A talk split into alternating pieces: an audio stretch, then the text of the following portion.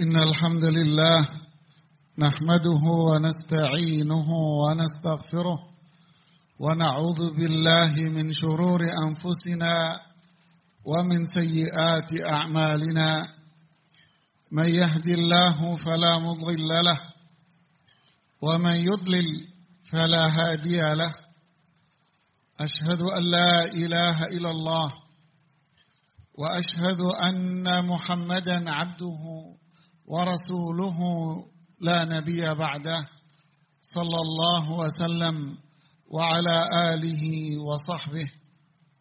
يا أيها الذين آمنوا اتقوا الله وقولوا قولا سديدا يصلح لكم أعمالكم ويغفر لكم ذنوبكم ومن يطع الله ورسوله فقد فاز فوزا عظيما. Wahai orang-orang yang beriman, bertakwalah kalian kepada Allah dan ucapkanlah tutur kata yang baik. Niscaya Allah akan jadikan perbuatan-perbuatan kita menjadi sebuah amalan yang saleh dan Allah akan ampuni dosa-dosa kita. Sungguh orang yang taat kepada Allah dan Rasulnya dialah orang yang sukses. Ya ayyuhalladzina amanu taqullaha haqqa tuqatihi wa la tamutunna illa wa antum muslimun. Wahai orang-orang yang beriman, bertakwalah kalian kepada Allah dengan ketakwaan yang benar dan janganlah kalian wafat melainkan dalam keadaan Islam dalam keadaan tunduk patuh taat kepada Allah. Amma ba'd. Para jamaah sekalian, Rasulullah sallallahu alaihi wasallam pernah membuat sebuah perumpamaan yang sangat indah. Beliau mengatakan dalam sebuah hadis yang sahih,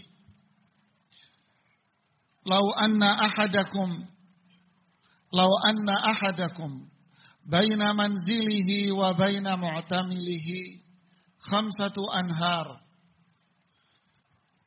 Intinya, andai seseorang di antara kalian, antara rumah dia, antara rumahnya dia, dengan tempat dia bekerja, itu dilalui oleh lima aliran sungai.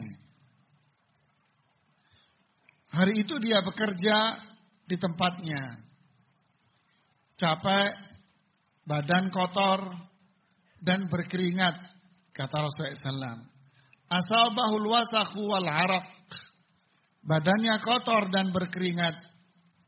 Lalu jam pulang bekerja pun tiba. Dia pulang.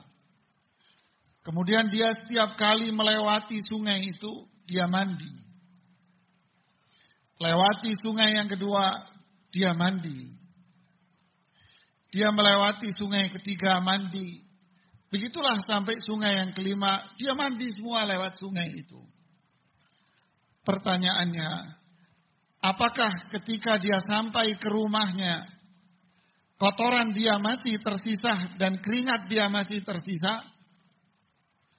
Para sahabat menjawab, tidak ya Rasulullah. Tidak ada yang tersisa dari kotorannya. Dia pulang ke rumah dalam kondisi bersih. Kemudian Rasulullah SAW mengatakan, itulah perumpamaan sholat lima waktu. Itulah perumpamaan sholat lima waktu yang akan menghapus semua dosa-dosa dia yang sebelumnya. Di hadis yang lain Rasulullah SAW mengatakan, Ara'aitum lau anna nahran bibabi ahadikum. Coba kalian lihat, andai di depan rumah anda itu ada sebuah sungai. Kolam renang lah istilah kita. Summa yaktasilu minhu khamsa marrat. Lalu dia setiap hari mandi, setiap hari, setiap hari dia mandi lima kali ayabqa min daranihi syai'un apakah dosa-dosa dia Apakah kotoran dia masih ada yang tersisa? Jawaban sahabat, tidak ya Rasulullah. Itulah perumpamaan sholat lima waktu yang tidak akan menyisahkan sedikit pun dari dosa dia. Masalul salawatil khams kanahrin jarin ghamrin bibabi ahadikum. Perumpamaan sholat lima waktu itu ibarat sungai yang ada di hadapan rumah dia yang sangat deras, sangat deras, dan dia mandi di situ lima kali setiap hari, maka tidak akan tersisa dosa dia sama sekali. Imam An-Nawawi rahimahullah mengomentari hadis ini dengan mengatakan, jika seseorang itu mengerjakan sholat lima waktu dengan benar, sebagaimana yang disabdakan oleh Rasulullah SAW, yatawadda'u kama umirtu wa yusalli kama umirtu. Dia wudhu seperti yang aku perintahkan. Dia salat seperti yang aku perintahkan. Maka tidak akan tersisa dosa-dosa dia. Imam An-Nawawi mengomentari dosa yang mana? Dosa kecil dan dosa besarnya pun akan diampuni oleh Allah subhanahu wa ta'ala. Subhanallah. Ketika Rasulullah SAW mengatakan as-salawatul khams kafaratun lima bainahunna. Salat lima waktu itu akan menghapus semua dosa-dosa kita. As-salawatul khams wal jumu'atu ilal jumu'ah kafaratun lima bainahunna idza batil kabair. Dosa-dosa itu akan gugur semuanya ketika kita rajin melakukan salat lima waktu dan Jumat yang satu dengan Jumat yang lain. Itu semua akan menggugurkan semua dosa-dosa itu.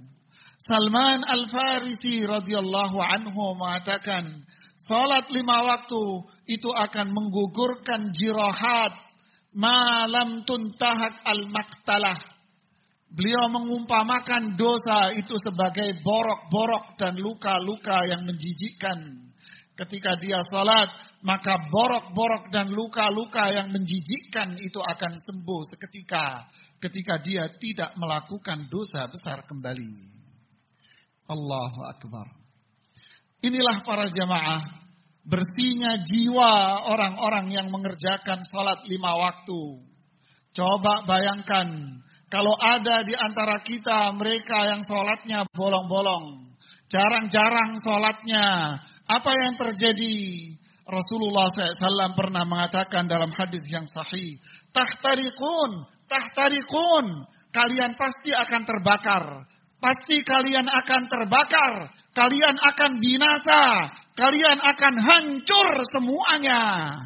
Tapi ketika Anda melakukan sholat, ketika Anda melakukan sholat, kata Rasulullah SAW, فَإِذَا صَلَّيْتُمُ الصُّبْحَ غَسَلَتْهَا Ketika Anda sholat subuh, maka kotoran-kotoran yang bakal membakar Anda dan menghancurkan diri Anda itu akan dibersihkan oleh sholat subuh yang Anda lakukan. Kemudian Rasulullah mengatakan lagi, tahtarikun, tahtarikun. Kalian akan terbakar, kalian akan hancur dan binasa. Fa'idha sallaitumudh zuhra ghasalatha. Ketika Anda sholat zuhur, maka luka-luka kotoran-kotoran yang bakal menghancurkan diri Anda itu akan dibersihkan dengan sholat zuhur yang Anda kerjakan. Tahtarikun, tahtarikun. Lalu setelah itu di siang hari, kalian akan berbuat dosa lagi. Dan di situ kalian akan binasa dan hancur. Tapi faidah sholaitumul asra, ghasalatha. Kalau anda sholat asar, maka luka-luka dan kotoran dosa yang bisa menghancurkan diri Anda, kata Rasulullah SAW, itu akan membersihkan diri Anda semuanya. Salat, salat asar akan membersihkan diri Anda semuanya. Begitulah seterusnya jamaah. Asar dengan maghrib kita berbuat dosa, maka maghrib akan membersihkan dosa kita lagi. Isya begitu pula, fatanamun. Lalu malam hari itu Anda Anda tidur tanpa dosa lagi. Kecuali malamnya maksiat gentayangan. Bayangin jamaah. Coba kita pikirin dari hadis ini ya. Kalau dia nggak sholat, apa yang terjadi? Coba Anda pikirin sejenak. Anda tidak sholat. Subuh lewat. Apalagi sekarang subuhnya jam 4 kurang dikit. Lewat tidur. Apalagi malamnya habis nonton bola. Habis Anda. Subhanallah. Ya. Berarti dosanya ngumpul itu. Udah malamnya nongkrong. Kakak sholat subuh Berarti dosanya habis sudah hancur dirinya dia. Ada seorang ada dalam hadis pula yang mengatakan lebih serem lagi ini jamaah hadisnya. Saya bacakan kepada Anda. Innalillahi malakan yunadi kulla salatin. Allah memiliki seorang malaikat, memiliki malaikat yang memanggil seiring dengan azan dikumandangkan. Malaikat itu mengatakan, Ya Bani Adam, kumu ila niranikum allati awqattumuha fa'atfi'uha. Wahai manusia, manusia, bangunlah kalian. Ayo bangun, matikan api-api yang kalian nyalakan tadi itu. Ayo cepat bangun. Kalau dia bangun untuk melakukan sholat subuh, maka api itu akan dia padamkan sendiri. Kemudian ketika azan zuhur dikumandangkan, malaikat mengatakan kembali, Kumu fa'atfi'u. Bangunlah kalian. Matikan api-api yang telah kalian nyalakan sendiri itu.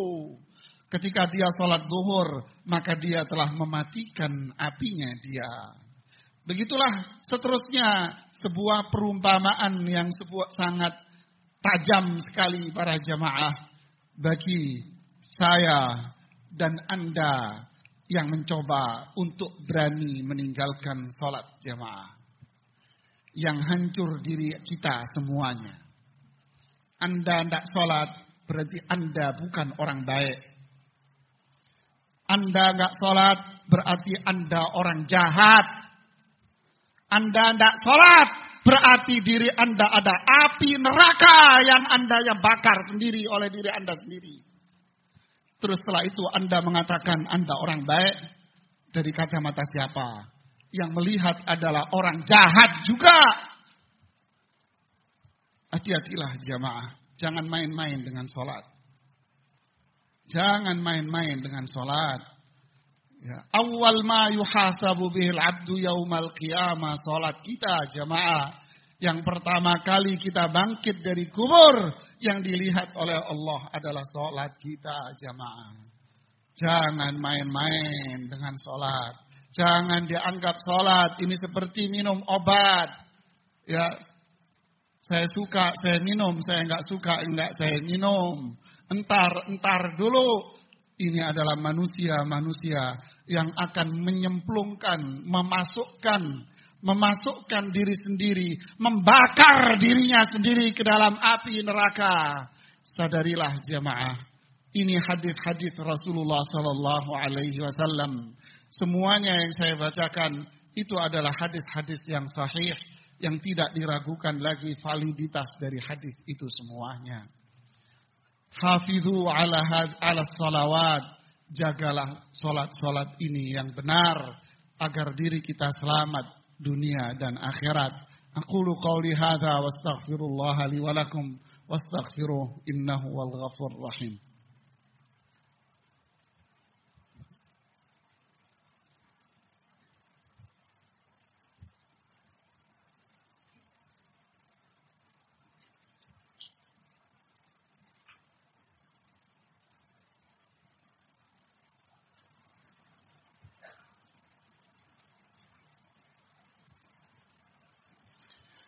Bismillah, Alhamdulillah, hamdan tayyiban mubarakan fi Wassalatu wassalamu ala rasulillah wa ba'd.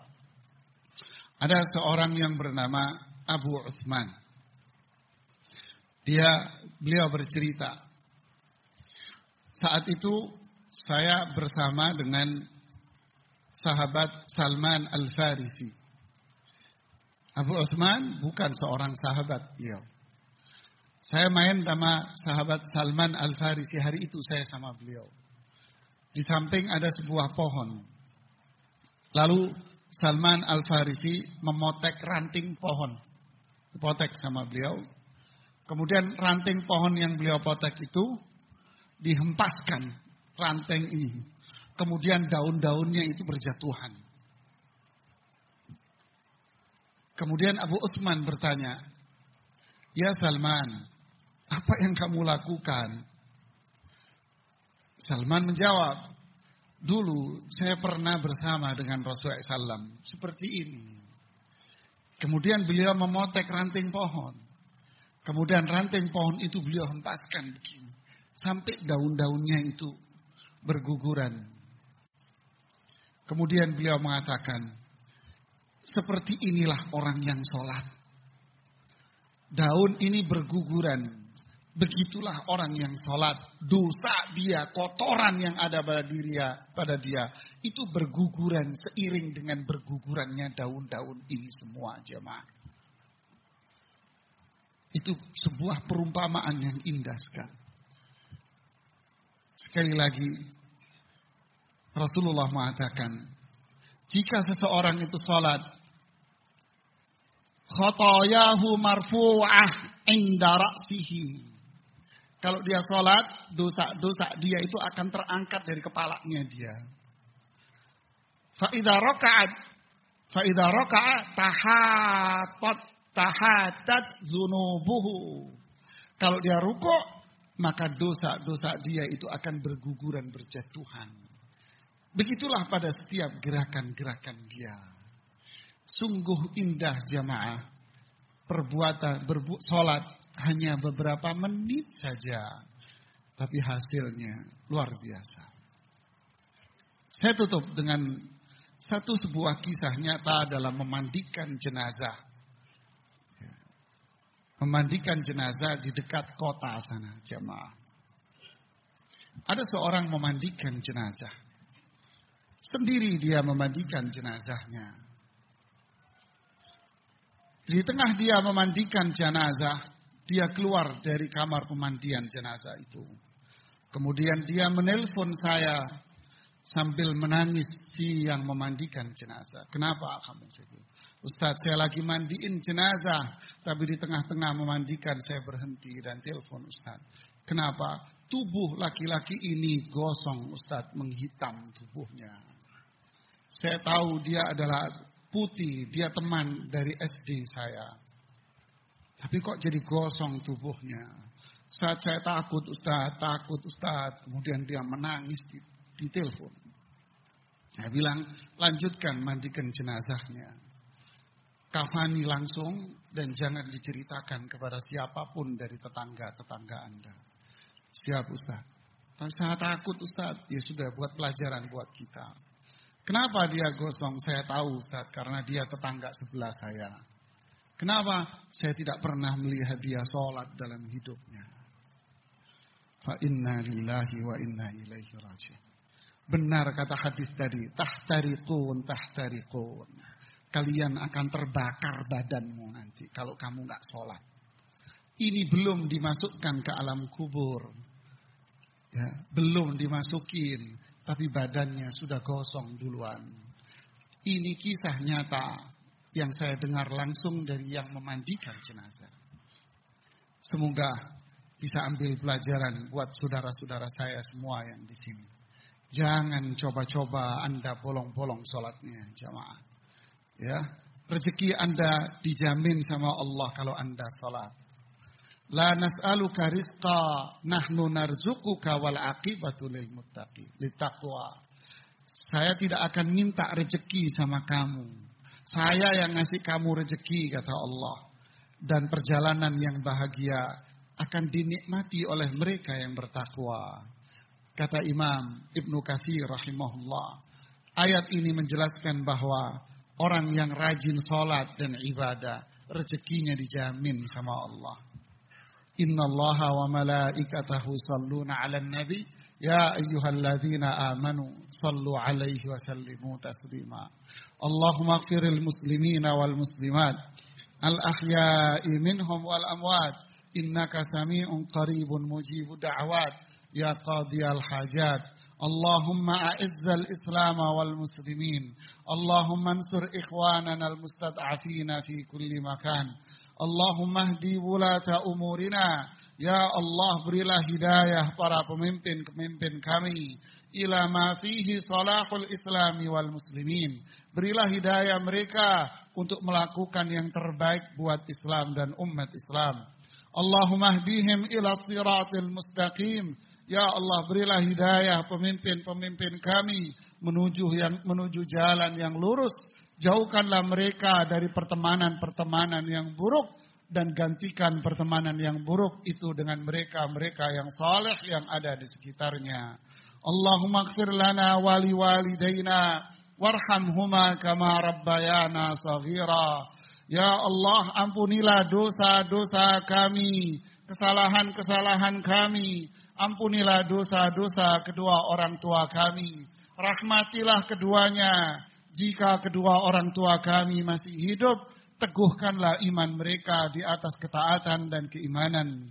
Dan jika kedua orang tua kami sudah wafat, ya Allah, jadikanlah kuburan mereka sebagai taman-taman surga. Lapangkan kubur mereka, berilah cahaya di dalam kubur mereka, dan masukkanlah mereka ke dalam surgamu. Dan kumpullah kumpulkanlah kami bersama keluarga kami di surgamu yang tinggi. Ya rahman ya rahim. Rabbana hab lana min azwajina wa dhurriyyatina qurrata ayun waj'alna lil muttaqina imama. Rabbana waj'alna muqimas waj'alna muqimas salah. Wa min dhurriyyatina Rabbana wa taqabbal du'a ربنا يا الله اللهم يا رب العالمين إنا نسألك الهدى والتقى والعفاف والغنى. اللهم ارزقنا اللهم ارزقنا اللهم ارزقنا مكارم الأخلاق. واللهم اهدنا مكارم الأخلاق. واصرف عنا سيئها ولا يصرف سيئها إلا أنت.